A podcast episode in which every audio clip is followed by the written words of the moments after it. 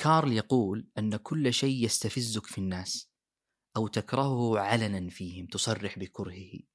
هو أصلا فيك في لا وعيك. وعلى حد قوله أن الإنسان الكامل أو المكتمل هو الذي يعرف أنه فيه. ما أعرف تتفق ولا ما تتفق؟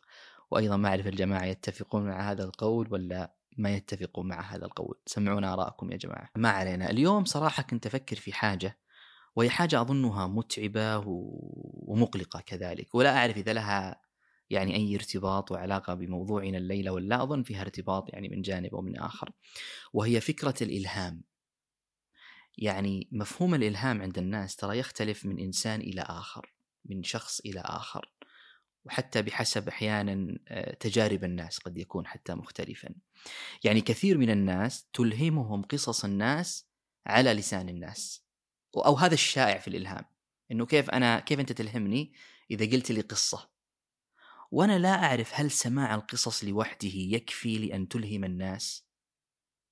ولا هي مثل ما يقول حتى يعني يونغ يقول أنها هي عبارة عن نشوة. تذهب هذه النشوة الإلهام بمجرد أن تنتهي من حديثك عن قصة الإلهام هذه. فأنا ما أعرف لو في أحد سمع قصة وأخذ على طول يحذو حذوها. يعني فعلا هذه القصة أثرت فيه وراح فعلا يعمل ويجتهد ويكد ويكافح حتى يفعل شيئا ولا فقط هو يحس بشعور كذا حلو لمدة ساعة ساعتين يوم يومين وبعدين يتلاشى كل شيء. لأني أظن اليوم أنا مع صناعة الناس مفهوم الإلهام تغير. فعشان تلهم الناس أنت محتاج أن تصنع الناس أن تجعل من الناس هؤلاء قصصا تحكيها لهم. يعني كيف أنا ألهمك؟ مو إذا قلت لك قصة. إذا خليتك تنجز وتتم أمر من الأمور. ووريتك يعني كأنك أنت مرآة أو إلهام لنفسك أصلا. يعني لو قدرت أشغلك بإنجاز وإتمام أمر وأجعلك مستمتعا فيه أنا هنا أقدر أقول إني ألهمتك. مش إني أحكي لك قصة وأخليك تستمتع فيها ساعة ساعتين وخلاص.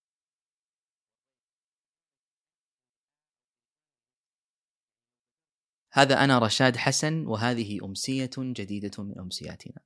نطلبكم الاشتراك في القناة ومشاركة هذه الحكاية أو الحكايات السابقة مع من تحبون وربما كذلك مع من تكرهون.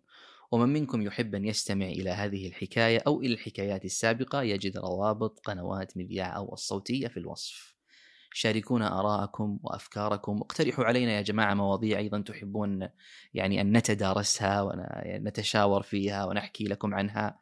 في التعليقات. لكن وأنتم ذاهبون تفعلون كل هذا بشويش على أصابعكم. طيب نعود إلى صاحبنا كارل. إحنا بنتكلم اليوم يا جماعة عن الإنسان الكامل الذي بالضرورة تكون عنده شيء من العيوب مثل ما يسميها هو عقدة النقص. وكيف الإنسان يصلح عقدة النقص هذه؟ طبعا من وجهة نظر آه، كارل يونغ. هو يقول أن الإنسان الكامل المكتمل هو الذي يستطيع أن يصرح عن رغباته وأحواله ونفسيته وما يريده وما يهواه وما يشتهيه يعني بدون خجل ولا حياء. ويكون متصالحا مع مع لا وعيه هذا إن صحت الكلمة. يعني لا يخجل. يعني الذي يكون عليه الإنسان آه، بعيدا عن الناس هو الذي يجدر بالإنسان أن يكون عليه أمام الناس. هذا في عيني هو الإنسان الكامل. يعني أنا أشبهها صراحة بالإنسان اللي يقول مثلا هذا أنا وترى عشان أنا كذا سويت كذا اللي عاجبه عاجبه واللي مو عاجبه مو عاجبه.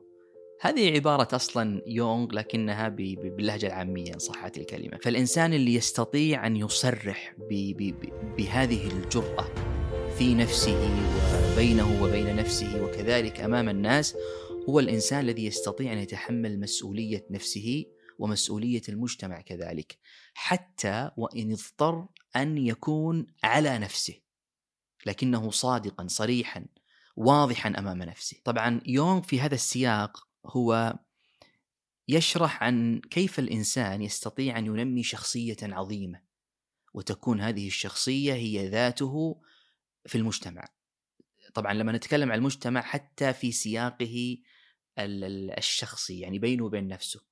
تكون هذه الذات هي ذات واحدة متصلة مترابطة متكاملة تكون بينه وبين نفسه وتكون كذلك أمام الناس. فالإنسان على حد سياقه يستطيع أن ينمي هذه الشخصية العظيمة الفذة الخارقة. يعني وهذه الشخصية العظيمة الفذة الخارقة مو بالضرورة يكون في مثل ما يسميها عوامل خارجية external factors. وإنما عادي إن الإنسان يستطيع أن ينمي هذه الشخصية بنفسه.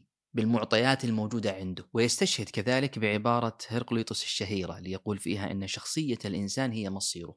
فالإنسان دائما يسعى إلى هذا المصير وهو ينمي نفسه وطاقته وشخصيته وقدرته وكل ما يمكن أن ينميه من أجل أن يحقق هذا المصير الذي يريد أن يكون هو في الأخير. فبالتالي تجاربنا وهمومنا وأفكارنا وكل شيء نمر به حتى تعاملنا مع الناس. كانت سواء كان تعاملا جيدا أم سيئا هو يرتكز على من نحن يرتكز على شخصيتنا على هذا المصير الذي نسعى إلى تكوينه إلى أن نصل إليه في الأخير. وعنده مثل ما قلت لك إنه أي إنسان يستطيع أن ينمي هذه الشخصية العظيمة الفذة الخارقة. ليس بالضرورة أن تكون عنده قدرات فكرية أو نفسية أو جسدية مو بالضرورة يكون صاحب مكانة آه، ثري آه، آه، متعلم. كل إنسان يستطيع أن يصل ويحقق هذه الشخصية العظيمة. ومن أجل أن يحقق هذه الشخصية فهو بحاجة أن لا يتخيل هذه الشخصية بل ينظر إليها في نفسه ونفسه هنا معناها ينظر إليها في لا وعيه. وأظن هنا لها علاقة بالإلهام اللي قلت لك إن الناس دائما تتخيل هذا البطل صورة البطل. حتى لما أنا يعني أحكي لك حكاية وأقص لك حكاية وأعلمك عن أحد وإيش سوى وإلى آخره. أنت تتخيل دائما هذا الكفاح وهذه القصة وهذا البطل الذي تجاوز كل هذه الصعاب ثم أصبح على ما هو عليه. وأظن أننا حتى نلهم أنفسنا نحتاج أن نكون هؤلاء الأبطال بالتجربة بالفعل بالواقع وليس بالكلام. لأني أظن أن الإلهام لا يكون محكيا وإنما يكون فعلا. فإذا استطعنا أن نجعل الإلهام فعلا نستطيع أن نردم هذه الفجوة التي لا يردمها الكلام وإنما تحتاج أن تكون أن يكون فيها فعلا يعني مبنية بالفعل وليست مبنية بالكلام. فمن أجل أن نكون من هؤلاء القلائل الذين يعني هم دائما في انسجام مع أنفسهم مطمئنين مرتاحين يستطيعون النظر إلى دواخلهم إحنا محتاجين نطبق نظرية إنه آه، ترى هذا أنا اللي عاجبه عاجبه واللي مو عاجبه مو عاجبه. بس في إطار يكون اطارا واعيا آه، مبنيا على رجاحة عقل مبنيا إلى النظر إلى الداخل. وأن يكون الإنسان في سريرته كما هو في ظاهره كذلك. وطبعا هذا لا يكون أو لا يمكن الوصول إليه إلا بالنظر إلى اللاوعي. إنه في في في سياقه حتى أن اللاوعي هو الذي يحرك الوعي لكن الإنسان لا يرى إلا هذا الوعي. فكل تركيزنا على ما نراه على ما يكون أمامنا. والحق أن أن أن أن اللاوعي هذا هو الذي يحفز ويحرك ويحرض هذه الأمور التي نراها التي نحسها. فمن أجل أن نحقق هذه الشخصية العظيمة نحتاج أن ننظر إلى هذا الوعي. نحتاج أن نكون في سريرتنا في بعدنا عن الناس كما نحن كذلك أمام الناس. لذلك هذا الانقسام من صحه الكلمة بين إدراك الإنسان لكثير من أفعاله لوعيه من أشيائه المحسوسة وبين جهله لكثير مما لا يراه. هو الذي آه، يعني يسبب هذا التشاطر.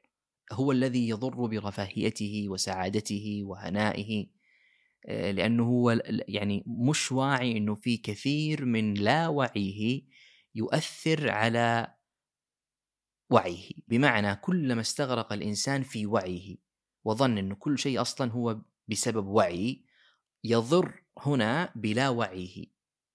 ويصبح في هذا يعني التشاطر هذا الاضطراب الذي يكون بين الإنسان ووعيه وبين لا وعيه. لذلك من أجل أن ينمي الإنسان هذه الشخصية العظيمة بعيدا عن النقص عن العيوب ينمي هذه الأنا هذه النفس المكتملة على لسان حاله هو بحاجة أن تكون جميع أدواره الاجتماعية على شخصية واحدة. بحاجة أن يكون في خفائه كما هو في علانيته كما هو أمام الناس. يعني الإنسان اليوم هو لا يكون على سجيته على حقيقته كما يكون هو إذا كان مع نفسه. فالتماهي مع الأنا وتقلب شخصية الإنسان بحسب أدواره الاجتماعية لا يجعل الإنسان مكتملا. ليه طبعا؟ لأنه يقول أنه في نوع من التظاهر يكون. فالإنسان يتظاهر بوعيه أنه أنا فلان في الموقف هذا وأنا فلان في الموقف هذا. والحق أنه لا هذا ولا هذا وإنما هو تماهى وتظاهر بوعيه في شخصية يظنها في نفسه. ولا يمكن للإنسان أو لشخصيته أن تكون مكتملة إذا كان ينظر إلى نفسه أو إلى شخوصه هذه على أنها مجرد أدوار آه، يلعبها في أوقات مناسبة وفي مواقف معينة. فبالتالي إذا لبس هذه الأقنعة هو أصلا جالس يخفي نفسه وراء هذه الأقنعة. فلا يمكن أن يكون مكتملا وحقيقيا وظاهرا وصادقا إذا لبس هذا القناع وظهر إلى الناس. والله أنا اليوم كذا وبكرة كذا وفي العصر كذا وفي العشاء كذا وفي الموقف الفلاني كذا ومع صاحبي هذا كذا ومع أمي كذا. فهذه كلها يقول أنها لا تجعل الإنسان شخصا مكتملا وهذه كلها لها عواقب وعقاب. وأشد عقاب هي أن الإنسان ترك نفسه في الظلام. فهو إذا جاء إلى هذا الموقف في هذا الوقت يظن أنه جاء بشخصيته بنفسه نفسه المكتملة. والحق أنه ترك نفسه في الظلام. وجاء الآن يتصنع ويتظاهر بقناع يظن أنه هو. وهذا يسبب صراع ويسبب انقسام وانشطار وعلى هذا السياق والنسق كله الإنسان لا يستطيع أن يصل إلى هذه الشخصية المكتملة إلا إذا كانت له شخصية واحدة. فهو الآن بحاجة أن يمحو ويزيل ويعني يفسخ كل قناع يتظاهر به في بعض المواقف في بعض الأدوار الاجتماعية. سواء أدوار اجتماعية أمام الناس أو حتى مع نفسه وتكون له آه، شخصية واحدة نفس واحدة أنا واحدة. هذه الأنا هي التي يكون عليها الإنسان في أي وقت من الأوقات وفي أي موقف من المواقف، ولا عيب طبعا أن يكون الإنسان على حاله وسجيته كما يقول، لأنه كل إنسان فيه شيء من القداسة، وفيه شيء من الإجرام، وفيه شيء من الذكاء، وفي شيء مهم طبعا هذه نقطة مهمة ذكرها هو حتى يصل الإنسان إلى شخصيته المكتملة هذه هو مو بس إنه يكون على طبيعته وعلى سجيته وبالتالي يكون تكون عنده شخصية مكتملة، لا وإنما يحتاج هذا إلى دربة. وهو ذكر حتى تمرين إلى دربة وتمرين ووقت طويل لأن شخصيته المكتملة في الأخير هي مزيج فريد مترابط من شخوص كثيرة لكنها صادقة. وهذا لا يستطيع أن يحققه أي إنسان يكون على سجيته وإنما الإنسان في آخر المطاف يحتاج أن ينظر إلى نفسه كما ينظر إليه الناس وفي نفس الوقت ينظر إلى نفسه كما ينظر هو إلى الناس. لكن في نظرته هذه لا يكون فيها شيء من التظاهر والتصنع والأقنعة وإنما يكون فيها شيء من الصدق والوضوح والإبانة. عشان كذا هو يقول إنه أي شيء تراه في الناس وما يعجبك هو مو ما يعجبك لأنه ما يعجبك هو أصلا فيك لكنك تخجل من التصريح به أمام الناس. فالشخصية العظيمة هي التي لا تنكر الفعل أو التصرف أو تخجل منه أو تتحرج منه وإنما هي التي تسلط الضوء عليه وخاصة في نفسها. وتسليط الضوء هنا معناته رحلة طويلة متصلة إلى اكتشاف من نحن ما هي شخصياتنا هذه بصورة كاملة.